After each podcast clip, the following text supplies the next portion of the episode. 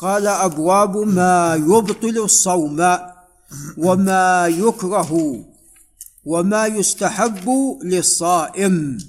نعم. والأشياء التي تبطل الصيام هي على قسمين هي على قسمين. أشياء معنوية وأشياء حسية. الاشياء المعنوية نسأل الله العافية والسلامه الكفر. والأشياء الحسية يعني الأكل والشرب. والجماع في نهار رمضان. نعم. قال وما يكره وما يستحب للصائم. فهناك شاة تستحب للصائم لعل الشيخ محمد الشيخ أحمد بن محمد آل علي ينتبه. فهناك شاة تكره للصائم وشاة تستحب. نعم. قال باب ما جاء في الحجامة. والحجامة قد اختلف في تفطيرها للصائم فبعض أهل العلم يرى أنها تفطر وبعض أهل العلم يرى أنها لا تفطر. وكان الشيخ عبد العزيز بن باز رحمه الله والشيخ محمد الصالح يرى يرون أنها تفطر. نعم وهذا هو المشهور عن الإمام أحمد رحمه الله تعالى. وذهب غيرهم إلى أنها لا تفطر. طبعا الشيخ عبد العزيز رحمه الله قال إلا يعني شيء يسير يعني واحد يحلل دم أخذوا منه شيء يسير فمثل هذا لا لا يفطر. نعم. و نعم جمع من أهل العلم يرون أنها لا تفطر ولا شك أن اجتناب الحجامة للصائم لا شك هو الأولى خروجا من الخلاف الذي حصل بين أهل العلم. نعم وأنا الذي أذهب إليه لأنها لا تفطر لما سوف يأتي والله أعلم. ولكن لا شك اتقاء الحجامة في نهار رمضان هو الأولى. قال عن رافع بن خديج الأنصاري رضي الله عنه قال قال رسول الله صلى الله عليه وسلم أفطر الحاجم والمحجوم. نعم حتى الحاجم الذي يحجم لأنه يمص الدم قال رواه أحمد والترمذي ولأحمد وأبي داود وابن ماجة من حديث ثوبان وحديث شداد بن أوس مثله. وهذا الحديث حديث صحيح وقد جاء عن جمع من الصحابة كما ذكر المصنف ولذا قال ولأحمد وابن ماجة من حديث أبي هريرة مثله ولأحمد من حديث عائشة وحديث أسامة بن زيد مثله. وعن ثوبان رضي الله عنه أن رسول الله صلى الله عليه وسلم أتى على رجل يحتجم في رمضان. فقال أفطر الحاجم والمحجوم نعم. قال وعن الحسن أي ابن أبي الحسن البصري عن معقل بن سنان الأشجعي أنه قال مر علي رسول الله صلى الله عليه وسلم وأنا احتجم في ثمان عشرة ليلة خلت من شهر رمضان. فقال أفطر الحاجم والمحجوم. رواهما أحمد. وأظن معقل هذا هو الذي يعني إذا جاء نهر الله بطر نهر معقل. وفي البصرة مكان إلى الآن يقال له المعقل. نسبة الظاهر إلى هذا معقل بن سنان ولعل يتأكد ابو ناصر. نعم.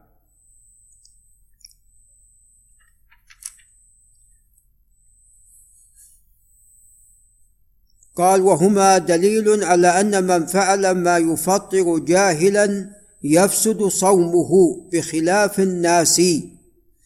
جاهلا لأن هنا الذي يظهر أن ثوبان ومعقل بن سنان لا يعلمان أن الحجامة تفطر. نعم. طبعا الحجامة تفطر يعني هي قد نسخ. الأقرب والله أعلم أنه نسخ هذا الحكم. وبعد أن كانت تفطر أصبحت لا تفطر والذي يدل على هذا سوف يأتي حديث أنس في البخاري أنه قال كنا نحتجم على عهد رسول الله صلى الله عليه وسلم في رمضان. وأيضا حديث ابن عباس يأتينا أن الرسول عليه الصلاة والسلام احتجم وهو صائم.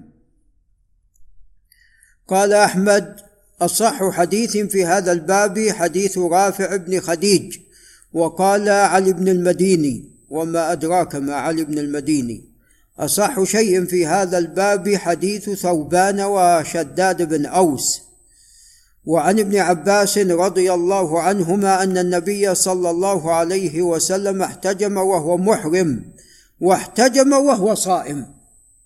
رواه أحمد والبخاري. نعم أحسنت. اذا ليس معقل بن سنان معقل بن يسار. نسبة المعقل الذي في البصرة نسبة إلى معقل بن يسار وهو الذي فيه المثل المشهور إذا جاء نهر الله بطل نهر, بطل نهر معقل لأنه هو شق نهرا في البصرة. نعم. معقل بن يسار. نعم. قال وعن ابن عباس رضي الله عنهما أن النبي صلى الله عليه وسلم احتجم وهو محرم واحتجم وهو صائم رواه أحمد والبخاري وفي لفظ احتجم وهو محرم صائم. هذا ما يصح هذا اللفظ. وهو محرم وصائم لم يصح. نعم ولم يثبت أنه صام في حال الإحرام عليه الصلاة والسلام. قال رواه أبو داود وابن ماجه والترمذي وصححه وهذا اللفظ الأخير لا يصح. قال وعن ثابت البناني. ثابت بن اسلم قال لأنس بن مالك أكنتم تكرهون الحجامة للصائم على عهد النبي صلى الله عليه وسلم؟ قال لا. الحديث لفظه عيدة. ما في في رمضان. قال كنتم تكرهون الحجامة للصائم على عهد النبي صلى الله عليه وسلم؟ قال لا. إلا من أجل الضعف. لو كانت تفطر قال نعم. قال لا من أجل الضعف لأن الإنسان إذا خرج دمه يضعف. نعم مثل مرة يعني أو حصل لبعض الأخوة تجد أنه احتجم ثم يحصل له ماذا؟ نعم دوخة. قال رواه البخاري.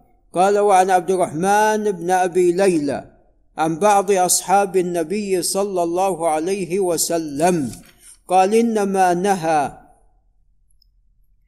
النبي صلى الله عليه وسلم عن الوصال في الصيام والحجامة للصائم إبقاء على الصحابة ولم يحرمهما رواه أحمد وأبو داود.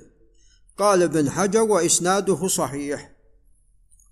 قال وعن أنس رضي الله عنه قال أول ما كرهت الحجامة للصائم أن جعفر بن أبي طالب احتجم وهو صائم.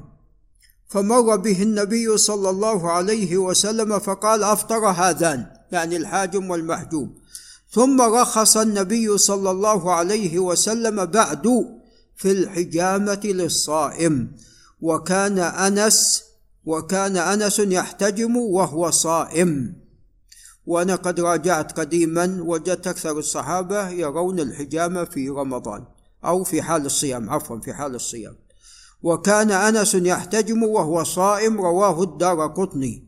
وقال كلهم ثقات ولا أعلم له علة. ورد عليه ابن ابن عبد الهادي رحمه الله وبين أن فيه أكثر من علة. قال باب ما جاء في القي والاكتحال. أي للصائم. فعندنا مسالتان القي حكمه للصائم والاكتحال والقي على قسمين إما أن الإنسان يستدعيه فهذا المشهور أنه يفطر ماذا؟ يفطر الصائم يستدعيه. نعم ولا يستدعي الإنسان القي من استقى لا. لا يستدعي الإنسان القي إلا وهو ماذا؟ مريض محتاج. نعم. وإما أن يغلبه. فهذا لا يفطر. فهذا لا يفطر. وأما الاكتحال ففيه خلاف والراجح أنه لا يفطر. الراجح أنه لا يفطر. نعم. وقد سئل الشيخ عبد العزيز الله يرحمه عن القطرة للعين. قال له حتى وجد يعني طعمها في فمه يقول لا تفطر. والأصل العين ليست منفذ إلى داخل الفم. نعم. قال عن أبي هريرة رضي الله عنه عن النبي صلى الله عليه وسلم أن النبي صلى الله عليه وسلم قال من درعه القي فليس عليه قضاء من درع من غلبه ومن استقاء عمدا فليقضي. رواه الخمسة إلا النسائي. نعم. وهذا يعني الراجح أنه لا يصح ولكن قد قد جاء يعني ما يدل عليه عن الصحابة رضي الله تعالى عنهم. فقد ثبت هذا عن عبد الله بن عمر وجاء أيضا يعني شيء من المراسيل في ذلك. قال وعن عبد الرحمن بن النعمان بن معبد بن هوذا عن أبيه عن جده عن النبي صلى الله عليه وسلم. رحمك الله. أنه أمر بالإثمد المروح أي المطيب بالمسك عند النوم وقال ليتقه الصائم رواه أبو داود والبخاري في تاريخه. وفي إسناده يقول المصنف مقال قريب قال ابن معين عبد الرحمن هذا ضعيف. وقال أبو حاتم الرازي هو صدوق. وأنا أذهب إلى قول يحيى بن معين. فقال أبو داود بعد أن رواه قال لي يحيى بن معين هو حديث منكر. ومن أجل الاختلاف في عبد الرحمن قال المصنف أن في إسناده مقال قريب. قال باب من أكل أو شرب ناسيا. يعني من أكل وشرب وهو متعمد لا شك مفطر هذا ما فيه ما في كلام. نعم هذا ليس فيه خلاف ولكن الناسي نعم. فقال بعض أهل العلم أنه ليس عليه شيء ولكن يقضي والصواب أنه لا يقضي. نعم وصيام صحيح. قال عن أبي هريرة رضي الله عنه قال قال رسول الله صلى الله عليه وسلم من نسي وهو صائم فأكل أو شرب فليتم صومه فإنما أطعمه الله وسقه. إنما أطعمه الله وسقه. هذا لعل الشيخ حسن ينتبه في مصنف عبد الرزاق جاء شخص إلى أبي هريرة فقال إني كنت يعني صائم ثم قدم لي طعام فأكلت ناسي. قال ما عليك شيء. قال ثم رحت الواحد واحد ثاني وقدم لي طعام وأكلت. وأنا ناسي إني صائم. قال ما عليك شيء. قال أيضا ثالث وأكلت. نعم. فقال أنت ما ما تعودت الصيام. نعم. فهذا أكل وشبع نعم. وهو لا زال يقول أنا يقول نعم يقول نعم صائم. هو ناسي نعم. هو كما سأل أبو هريرة رضي الله عنه هو ناسي نعم النسيان. وهذه مسألة مهمة. نعم. لعل الشيخ الإسلام ينتبه لها. واحد نعم طرح علينا الشيخ عبد الله العقيل رحمه الله وعفى الله عنه فقال إن واحد نوى يصوم الاثنين ثم جاء الاثنين وأفطر وأكل الرجال الفطور وتغدى ويمكن نعم يوم جاء بالليل تذكر يكتب له ولا ما يكتب؟ نعم هو إن شاء الله النية يعني بحمد الله هو قد نوى. لكن هل هل يقال أنه قد صام هذا اليوم؟ هو نعم الأقرب أنه لم يصم. لم يصم. نعم لأن لم يأتي عليه شيء من النهار وهو ممسك. هو نسى بالمرة يوم جاء بالليل تذكر. نسي بالمرة يوم جاء في الليل تذكر أنه كان ناوي أن يصوم هذا اليوم. نعم فهو في الحقيقة لم يصم هذا اليوم. لم يصم هذا اليوم. وهذا لو كان نذر أن يصوم يوم الاثنين ومر عليه يوم الاثنين وهو ناسي. فيقال أنه ما صام عليه أن يقضي بدل هذا الشيء الذي نذره. نعم. قال رواه الجماعة إلا النسائي. قال وفي لفظ إذا أكل الصائم ناسيا أو شرب ناسيا فإنما هو رزق ساقه الله إليه ولا قضاء عليه ولا كفارة. رواه الدار قطني وقال إسناده صحيح. وفي لفظ آخر من أفطر يوما من رمضان من رمضان ناسيا فلا قضى عليه ولا كفارة. قال الدار قطني تفرد به ابن مرزوق وهو عمرو بن مرزوق وهو ثقة عن الأنصاري وهو محمد بن عبد الله. وهذا اللفظ نعم مروي بالمعنى وإنما الصواب ما تقدم في البخاري ومسلم. من نسي وهو صائم فأكل أو شرب فليتم صومه فإنما أطعمه الله وسقاه. نعم هذا هو اللفظ الصحيح.